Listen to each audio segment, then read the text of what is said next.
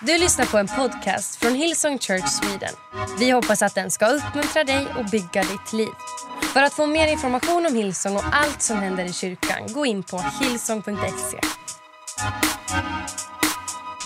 Right, well, jag ska hoppa in i dagens predikan. Eh, och eh, idag kan jag gå lite djupare eftersom det är norra och södra med. Vi har inte med de andra utan eh, så idag kan vi idag kan vi läsa Bibeln lite djupare. Vi kan gå i Gamla testamentet. Eh, vi kan gå till eh, eh, vi, vi kan gå igenom de djupa djupa sakerna så att ni absolut alla, alla somnar. Men det ska vi inte göra. Men jag har ett budskap på mig då som kanske är lite mer teachigt, lite mer undervisande.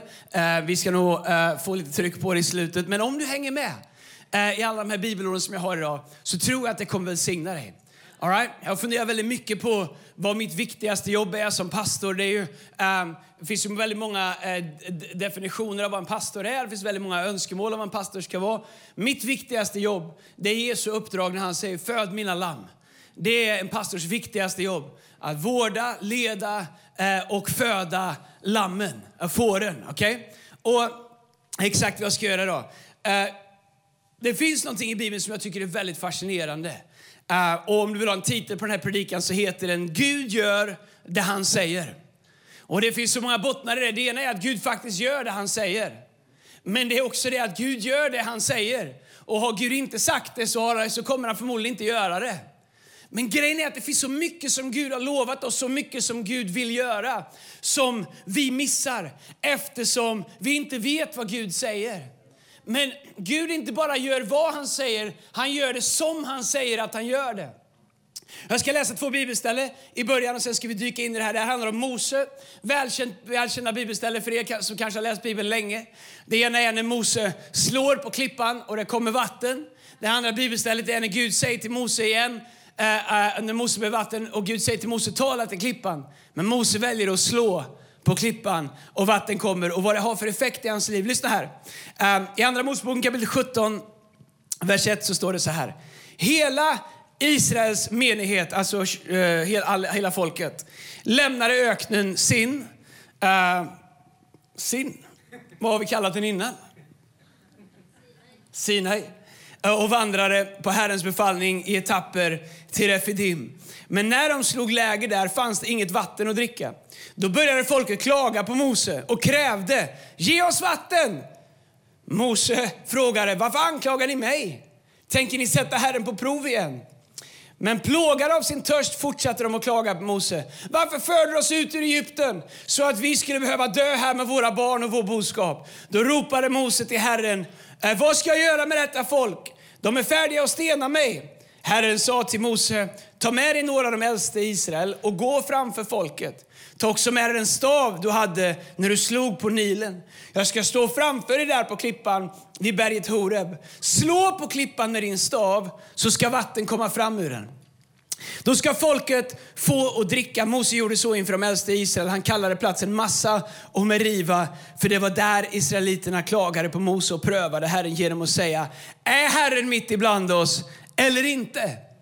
Jag tycker det är ganska intressant det här bibelstället. Man skulle, vi skulle kunna stanna bara där, men det ska vi inte göra. Det finns så många lager av mänsklighet. Det finns så många lager och, och liksom lessons av ledarskap i det här. Det finns så många lager av Gud eh, och vår efterföljelse till honom. Samma folk som prisar Gud när de lämnar Egypten börjar, eh, börjar klaga på Gud och alla som Gud använder så fort vattnet tar slut. Samma folk som i 400 år har bett Gud befria dem vill tillbaks till sina kedjor så fort de inte har allt vad de vill ha. Jag tycker det är fascinerande med mänskligheten, hur snabbt vi vill tillbaks till det som vi så gärna ville ur. Och hur vi, när vi går vidare, vi glorifierar det som var. Men när vi var i det så ville vi inget annat än att lämna det. Så Mose han säger till Gud, Gud vad ska jag göra? De är färdiga att stena mig. Ibland är mitt jobb tufft, men inte så tufft. Det är ingen som har med sig stenar in hit i alla fall. Men Gud han säger till Mose, Mose slå på klippan inför allihopa. Nej, jag har inte tid att prata om det. Men det finns en anledning att Gud säger, ta med dig de äldste. Vad är det han gör? Han tar med sig de som har tro. Det finns tillfällen i livet du måste vara noga med vilka du har med dig och vilka du inte har med dig. Jag skickar bara med den gratis, eller alltid gratis. Men um, lite senare i fjärde Mosebok så är Israels folk i samma situation igen. De verkar inte ha lärt sig någonting. Och Mose verkar inte ha paid attention till Gud heller och vad Gud säger. I fjärde Mosebok kapitel 20, vers 6 så står det så här. Mose och Aron vände då om från, sin försam från församlingen och gick till uppenbarelsetältets ingång där de föll ner på sina ansikten och Herrens härlighet visade sig för dem. Herren sa till Mose, ta staven. Sen ska du och Aron sammankalla menigheten, alltså församlingen. Tala till klippan inför dem, då kommer jag ge er vatten. Du ska ge dem vatten ur klippan och både folket och boskapet ska få dricka. Mose tog staven som låg inför Herren som han hade blivit tillsagd och tillsammans med Aron samlade han menigheten vid klippan och han sa till dem, lyssna ni upprorsmakare, måste vi ordna vatten åt er ur klippan? Så lyfte Mose sin arm och slog med staven två gånger på den.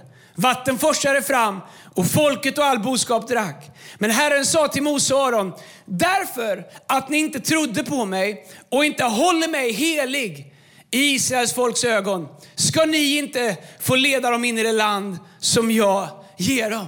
Jag tycker det här är superfascinerande. Och man kan tänka, vad är det med Gud? Va? Han, Mose löste ju problemet. Mose fick fram vatten ur en klippa igen. Men det faktum att han slog på den när Gud sa tala till den gjorde att Mose fick dö i öknen och inte se löftet som han hade gett sitt liv till. Det verkar alltså som det är extremt viktigt för Gud att vi hör vad han säger. Det verkar vara väldigt noga för Gud att vi tar honom på orden och att vi faktiskt läser Bibeln och att vi har en approach. Jag vet att tyst där inne, det kommer jag ha skämt sen, bara var inte nervös. Det verkar vara viktigt för Gud att vi är böjda under hans ord. Det verkar vara viktigt för Gud att Guds ord är en auktoritet i våra liv. Att allt i våra liv är böjda under Guds ord. Det är inga problem för Gud att, fixa vatten ur klippor. Det är det minsta problem. Det omnämns bara liksom i förbifarten, så kom det vatten ur klippan. Det är ingen big deal. Men det faktum att Mose inte gjorde det Gud sa. Att Mose litade mer på sina egna beprövade erfarenheter. När det är intressant med gåvor som Gud ger oss. Mose uppenbarligen kunde slå på klippan så att vatten kom. Hans gåva var i funktion. Det verkar som att Gud inte alls är imponerad av att våra gåvor är i funktion även om han vill det. Det verkar inte vara ett kvitto på att det, det är någonting som Gud välsignar. Utan det verkar som att Gud sätter ett högre pris på troheten till hans ord än trycket i vår personlighet. Eller hur bra vi är på att framföra eller göra det vi gör. Gud verkar mer intresserad av vår lyhördhet och lydnad än av vår performance. Är du glad att du kommer då? Att lyda Gud är viktigast. Att lyda Gud är det viktigaste av allt. Och då kan man säga, jag lyder bara Gud, jag lyder inga människor. Jag står inte under någonting, jag behöver ingen kontext. Då läser du inte Bibeln heller. Men det verkar vara viktigt för Gud att vi faktiskt gör vad han säger. Mose litade mer på sin erfarenhet än på det rema som Gud gav honom där och då. När hade han talat till klippan hade den fortfarande ett vatten och han hade gjort det utifrån det remat som Gud gav nu. När vi bygger vårt nu på ett rema som Gud gav för två Moseböcker sen så lever vi inte i det som Gud har för oss nu. Och jag är tacksam för allt vad Gud har gjort i våran kyrka. Jag är tacksam för allt vad Gud har gjort i kristenheten. Jag är tacksam för alla gamla tiders väckelser som har varit. Men vet du vad? Bara för att det funkar att slå på klippan då, så vill jag inte göra det om Gud säger tala till klippan nu. Därför måste vi som kyrka och vi som individer alltid fråga Gud, Gud, vad säger du nu? Vad vill du nu? Vad är lydnad nu? Vad är tro nu? Vad ber du om nu? Vad ska vi göra nu? Vad är ditt ord för oss nu? I den här säsongen Gud. För mig, för min familj, för min connect-grupp, för vår kyrka Gud. Vad är ditt rema? Rema är alltid starkare än traditioner och erfarenhet. Vet du, det är bättre att bygga sitt, sitt liv på ett rema än vad det är att bygga sitt liv på erfarenhet. Erfarenhet är superbra. Erfarenhet är jätteviktigt. Men egentligen så är ju erfarenhet att vara expert på det som redan har hänt. Eller hur? Det är bra, det, är, det har sin plats. Men Gud säger, se jag gör någonting nytt. Och Gud säger till Mose, tala till klippan. Och Mose tänker, det har jag aldrig gjort. Så vad gjorde han? Han sa, jag går till det jag har erfarenhet över. Jag går till min erfarenhet. Jag är för erfarenhet. Tyvärr så är den ofta ganska dyrköpt, men när man väl har betalat för den så är den bra att ha. Men du förstår, erfarenhet är ju att vara expert på det som Gud har gjort, eller det som har hänt. Eller det som ligger bakom. Man kan ta med sig det, lära sig från det. Använda det som byggstenar. Men in i framtiden är det mycket bättre att ha ett ord att stå på av vad Gud säger nu. Vi som efterföljare till Jesus, vi behöver kontinuerligt vara ledda av ett rema. Både det remat som Bibeln ger och det remat som Gud talar nu. Om vi styrs mer av tradition och gamla upplevelser, blir vi, då blir gårdagens välsignelser kanske till slut någonting som blir morgondagens förbannelse. För klippan som gav vatten när Moses slog på den blev en välsignelse när han gjorde det första gången. Men andra gången han gjorde det så gjorde det att Mose på grund av sin olydnad inte kom in i löfteslandet. Så det som var en välsignelse blev någonting som blev fördömelse för honom. Gud vet att han kan ge vatten ur klippor. Gud vet, att han vet ah, jag gillar att Gud använder klippa för det kan ju vara det torraste som finns.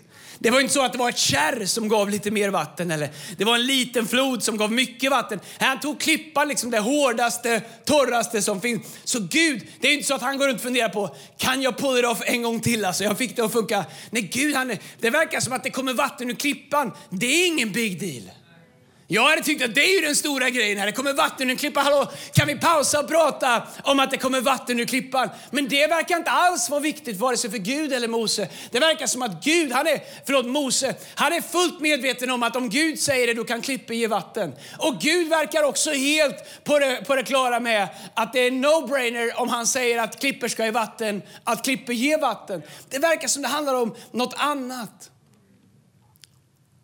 Men jag inser att de jag har sagt det många gånger att om vi vill ha någonting som vi aldrig har haft så måste vi våga följa Gud dit vi aldrig har varit och göra saker vi aldrig har gjort. Och varje gång som vi gör det så finns det någonting i vår mänsklighet som säger kan vi inte bara slå på klippan en gång till?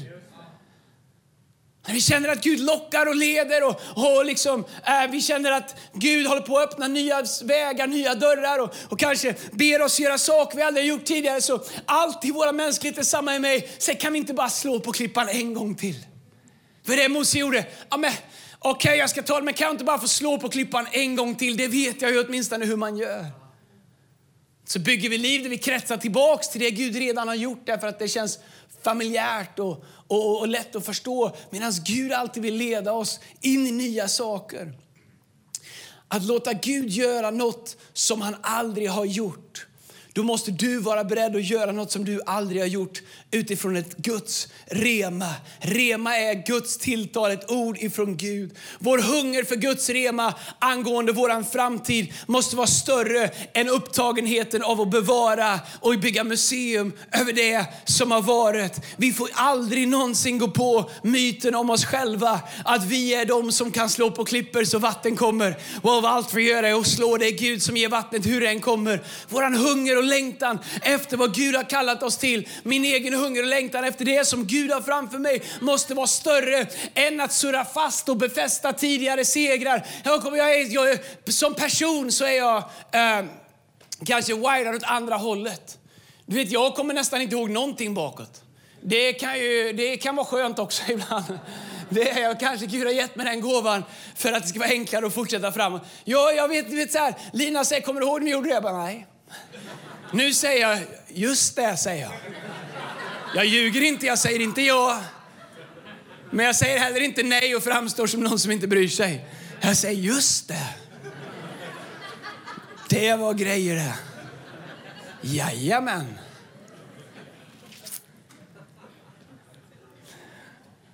Tjugo år har det funkat.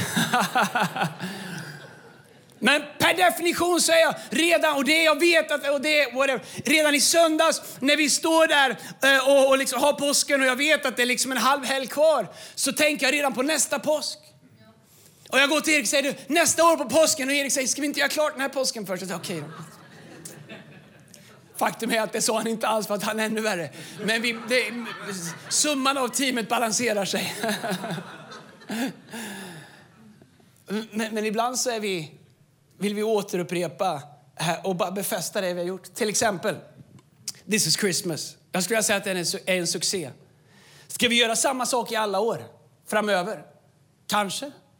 Kanske inte. Uh, vad är det mer vi gör? Påsk, uh, påsk är ju svår att runda, den, kom, den är ju viktig. Men grejen är att jag vill inte leva och leda i vare sig en kyrka eller ett liv som bara liksom bygger museum över det som har varit. Jag vill vara modig i mitt eget liv. Säga, Gud, vad vill du jag ska göra nu? Gud, vad är, vad är nu? Vad är de nya vägarna? Som det en gång var när vi startade någonting som vi gör för första gången. Vi tänkte, går det här ens? Får man ens göra det här? Är det ens kristet? det, det, det, måste ju vara för att vi ska göra det. Men, men du vet, man tänker, kan man göra så man tänker, det här kommer inte alla gilla och så gör man ändå och så visar att Guds hand över det. Men grejen är, det är enkelt att bara gå tillbaka och repetera det för att det var det då. Men är det det Gud vill nu? Därför att efterföljelse av Kristus handlar om att fråga Gud hela tiden, Gud vad är nu? Vad är ordet nu? Vad är ordet för mig? Vad är ordet för min familj? Vad är ordet för, för vår kyrka? Gud, vad säger du att vi ska göra nu? Därför att ordet och evangeliet är heligt, men metoderna är totalt oheliga.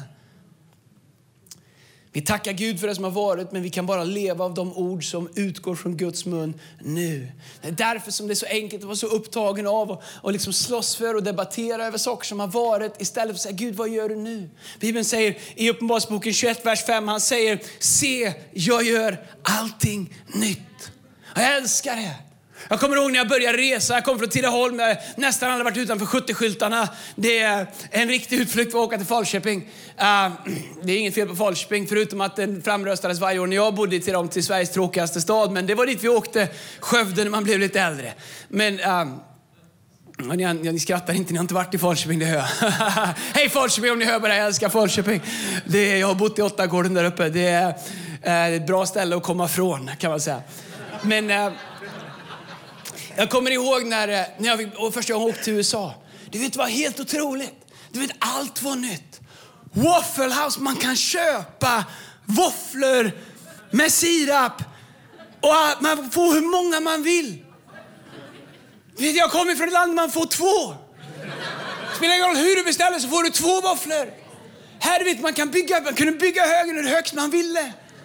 Det var helt otroligt bilarna. Kommer du ihåg? Körde en eh, Ford Econoline Power Stroke, eh, 10 cylinders, eh, 7,3-liters diesel. Kommer du ihåg starten? Du vet så här.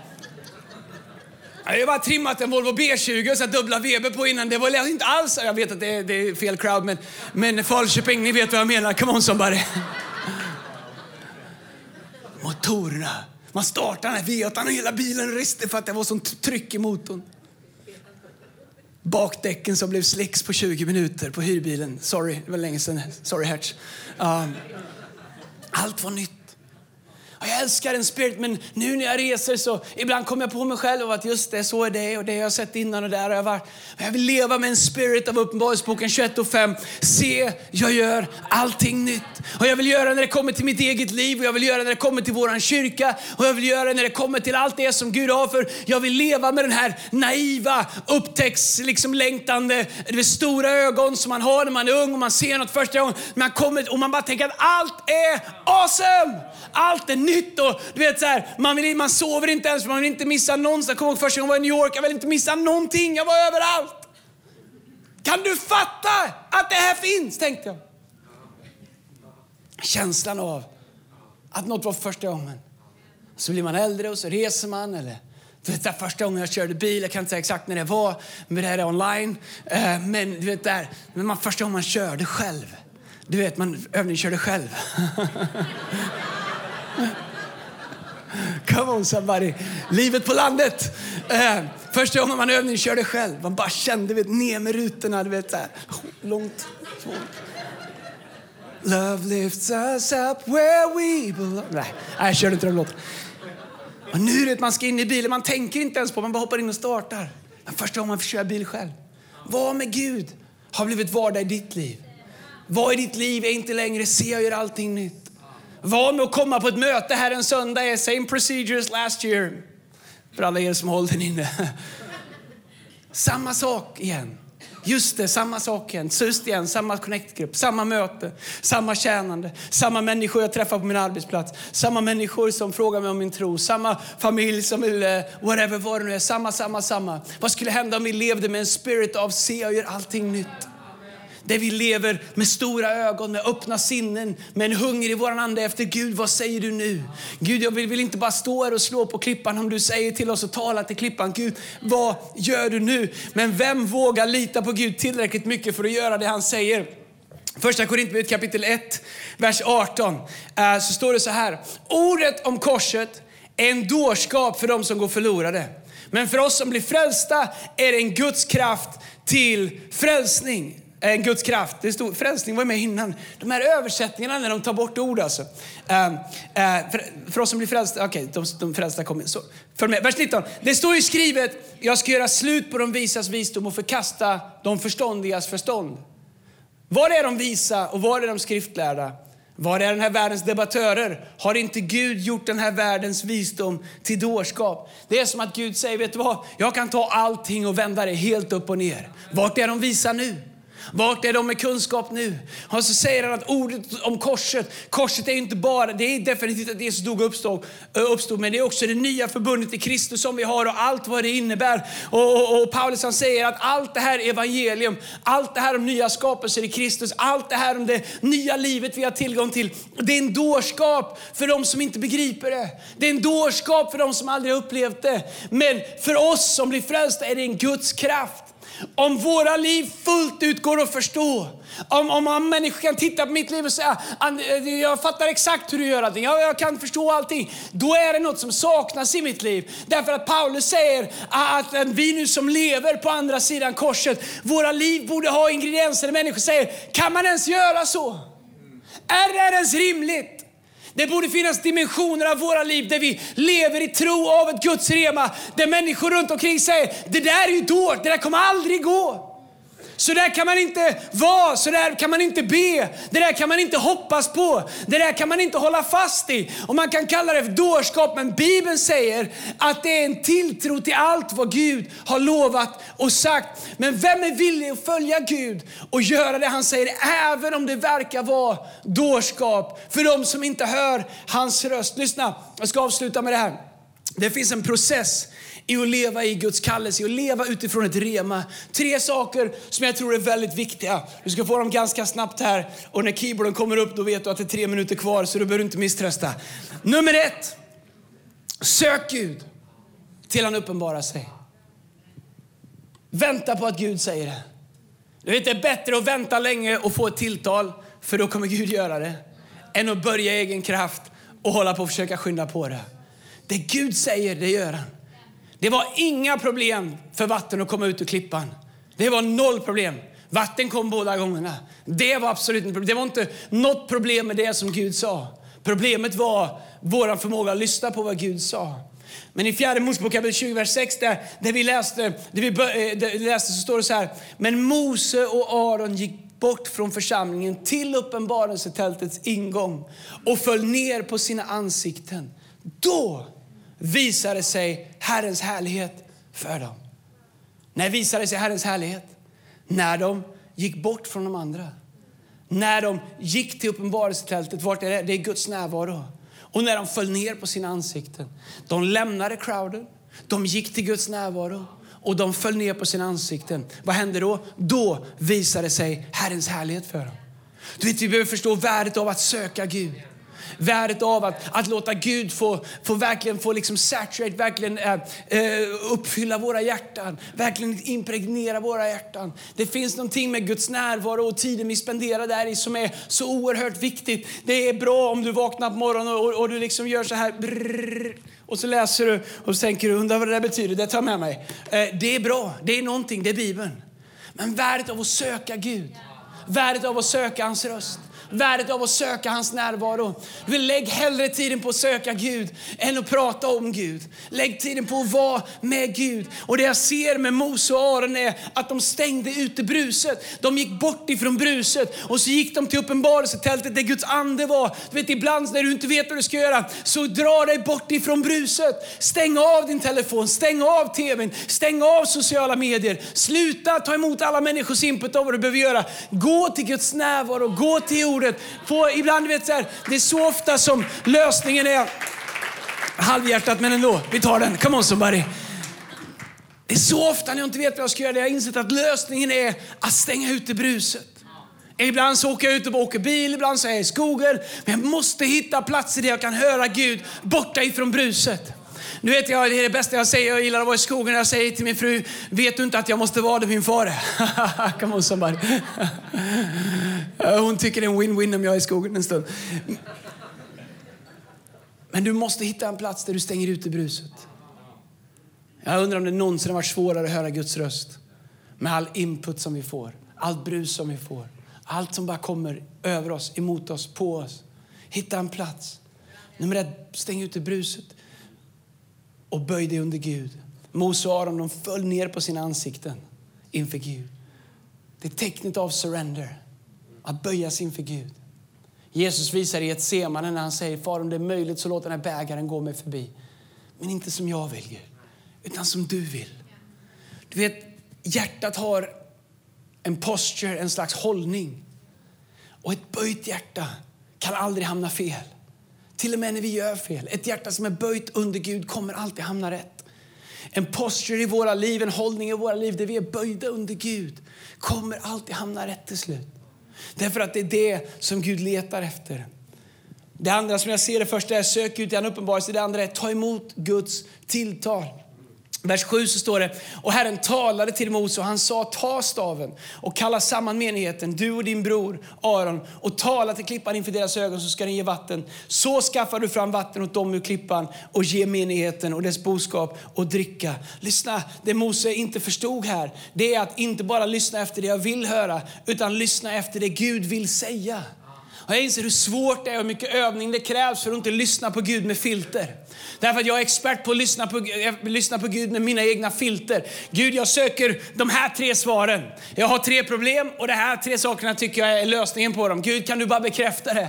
Och så, så söker jag honom fast jag lyssnar med filter. Jag lyssnar selektivt, jag lyssnar med förutfattade meningar. Men grejen med att lyssna till Guds tilltal, det är att höra vad Gud faktiskt säger och dessutom göra vad Gud säger. Så Mose får det rätt i det faktum att Gud vill använda Mose igen för att Gud vill ges folket vatten. Han vill fylla deras behov, han vill släcka deras törst. Så Mose uppfattar uppdraget, han uppfattar vart vattnet ska komma ifrån. Men han är så fast i sitt sinne så att han gör det som han gjorde det tidigare. Du och jag vi behöver lära oss att ta emot Guds tilltal så som Gud säger det, även om det verkar annorlunda än något vi har varit med om tidigare. För grejen är att om du inte gör det så är det så här, om du frågar tillräckligt många om råd så kommer någon till slut ge dig det du vill ha.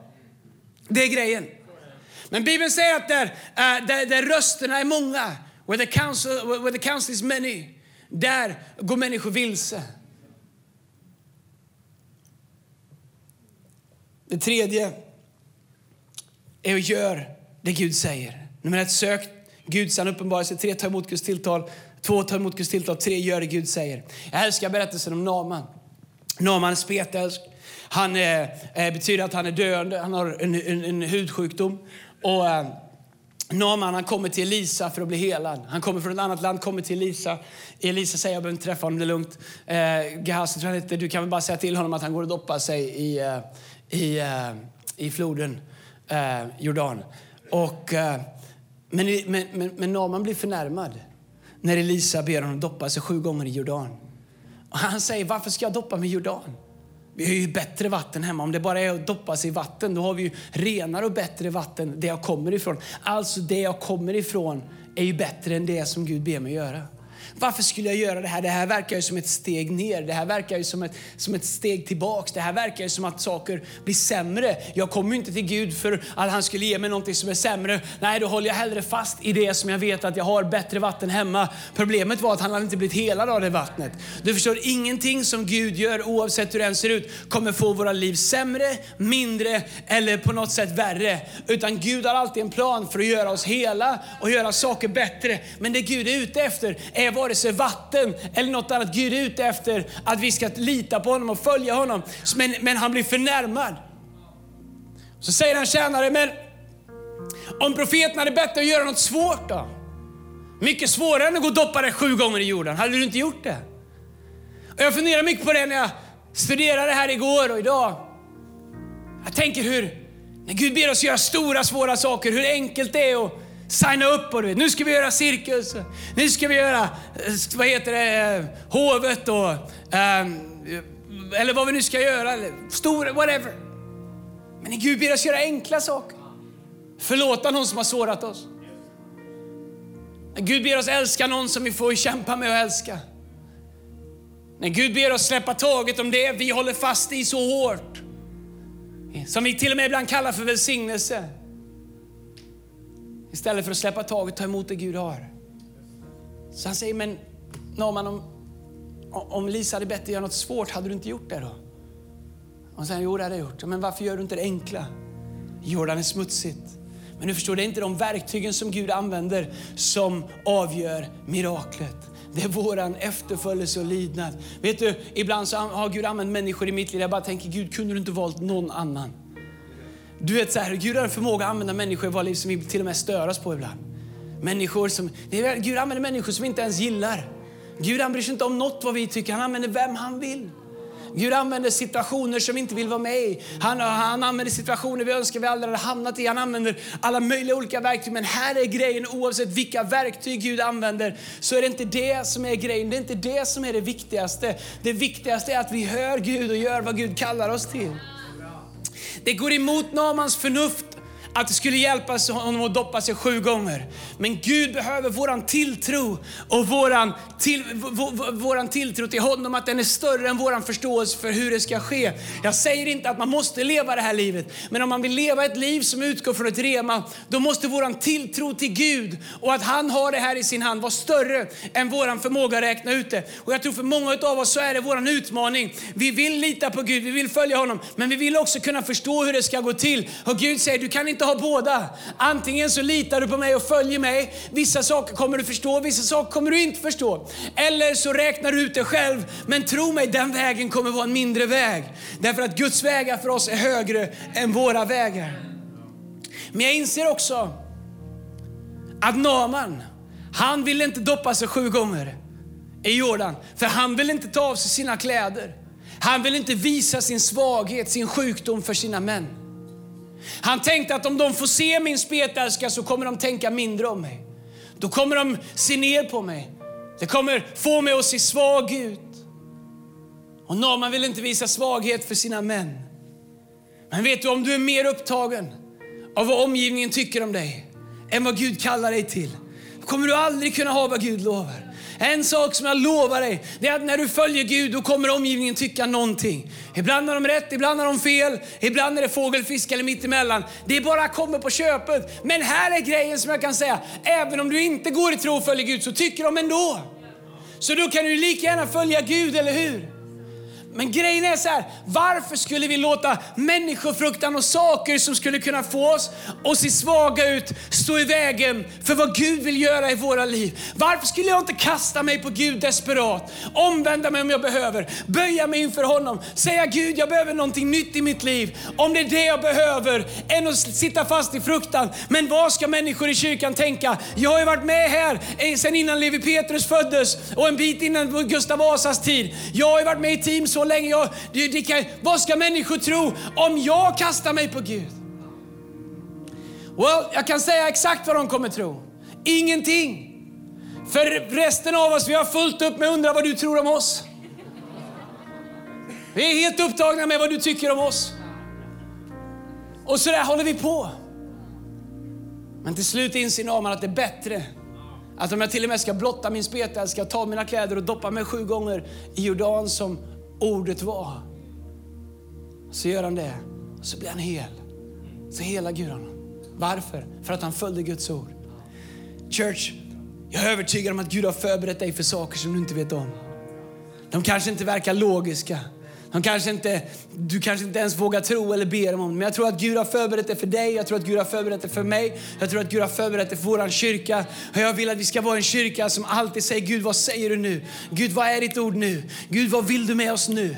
Gud vad är ordet i den här säsongen? Tack gode Gud för vad du har gjort. Tack gode Gud för vad vi har fått vara med om. Allt som har varit bra, allt som blev sådär. Men Gud vad vill du vi ska göra nu? Därför att vi är inte här för att bygga museum med vad Gud har gjort eller, eller stå liksom och prata om hur bra vi eller något annat. Det enda jag vill leva för och leva av, det är Gud, vad vill du jag ska göra nu? Gud, vilken klippa ska jag sluta slå på och vilken klippa ska jag börja tala till? Gud, vilka saker var bra för den tiden, men som vi måste sluta göra nu så att vi kan göra det du kallar oss till här. Vad i mitt liv har varit okej, okay, Gud, har du haft nåd med under den här perioden som du nu kallar mig till en högre vandring med dig. Där du säger, Gud, Andreas, när du var ett barn så tillät jag barnsliga saker i ditt liv. Men nu när du växer upp och blir en vuxen andlig människa när du blir en mogen efterföljare, då kallar jag dig till en högre väg. Vet du, då vill jag inte krypa omkring som jag gjorde när jag var ett andligt barn. Då vill jag lära mig att gå och lägga av med det barnsliga. Jag säger Gud, vad har varit okej? Okay? Vart har jag slått på klippan där du kallar mig till att tala på klippan? Och jag vill det i varje område av mitt liv och jag vill det i varje område av vår kyrka. Jag vill att du ska ha det i ditt liv. Därför att Bibeln säger att vad inget öga har sett, vad inget öra har hört och vad våra hjärtan inte kan förstå, det har Gud förberett. Det innebär att orden finns redan hos Gud. Det är inte så att när du ber säger Gud, jag ska se om jag har ett ord för det här. Nej, hans ord för dig finns redan. Alla ord du kommer behöva finns redan hos Fadern. De är hos Gud. De väntar bara på att bli efterföljda. De väntar bara på någon som lämnar eh, menigheten som Aron och Mose, går till uppenbarelsetältet, böjer sig på sina ansikten och säger Gud, vi söker dig.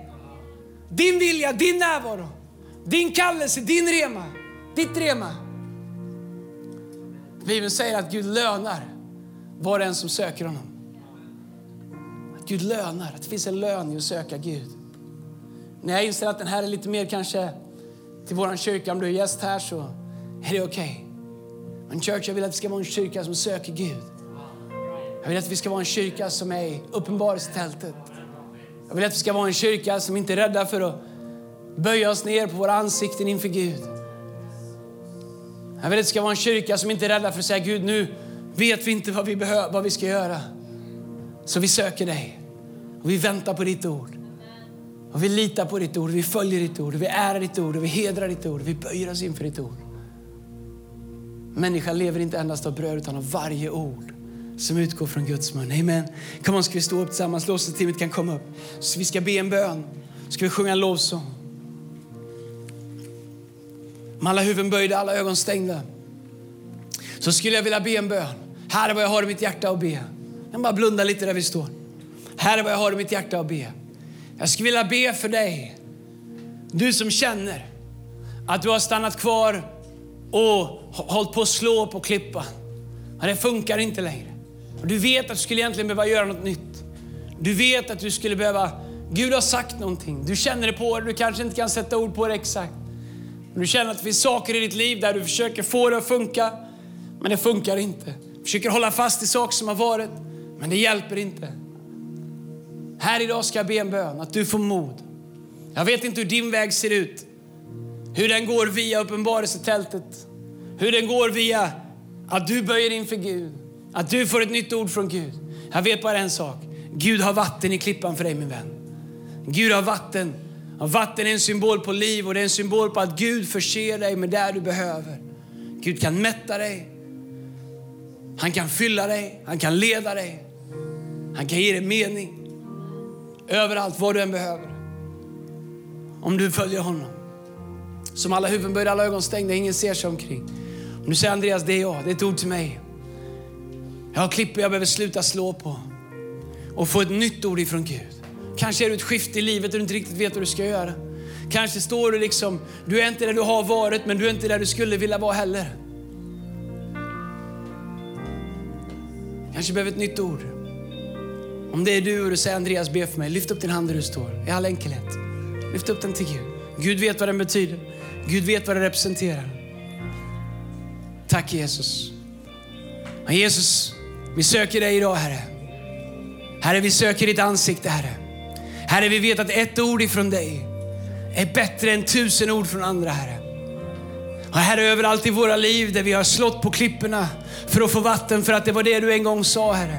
Men där du kallar oss till någonting annat Herre. Idag så fattar vi ett beslut och vi säger Herre, vi väljer dig. Vi väljer din väg. Vi väljer det som är sant, det som är rätt, det som är rent, det som är upphöjt. Herre, ha din väg i våra liv. Herre, jag deklarerar att du ska förlösa nya tilltal över människor. Nya reman, Herre Jesus. Herre, ord som redan finns i himlen. Herre, du har sagt att allt som löses i himlen ska vara löst på jorden. Herre, därför så löser vi ut Guds ord. Vi löser ut rema. Vi löser ut tilltal, Herre, över situationer och omständigheter, över människors liv, Herre Jesus. Fader, över var och en som behöver ett nytt tilltal, ett nytt ord att gå på, någonting nytt att stå på, en ny väg, en ny dörr, Herre, vad det än är. De som behöver lämna någonting, de av oss som behöver ta ett kliv vidare in i det som du har kallat oss till, som vi ännu inte vet, men som i tillförsikt och tro väljer det idag. Herre, jag ber, låt din heligandes närvaro, som den var uppenbarad för Mose och Aron, låt den uppenbaras här inne idag i södra, online Herre, vart människor än är idag Herre. Låt din närvaro fylla våra hjärtan, fylla det här tabernaklet, fylla det här templet idag. I Jesu namn vi ber. Du har lyssnat till en podcast från Hillsong Church Sweden. Om du vill veta mer om vår kyrka eller om våra söndagsmöten surfa in på hillsong.se.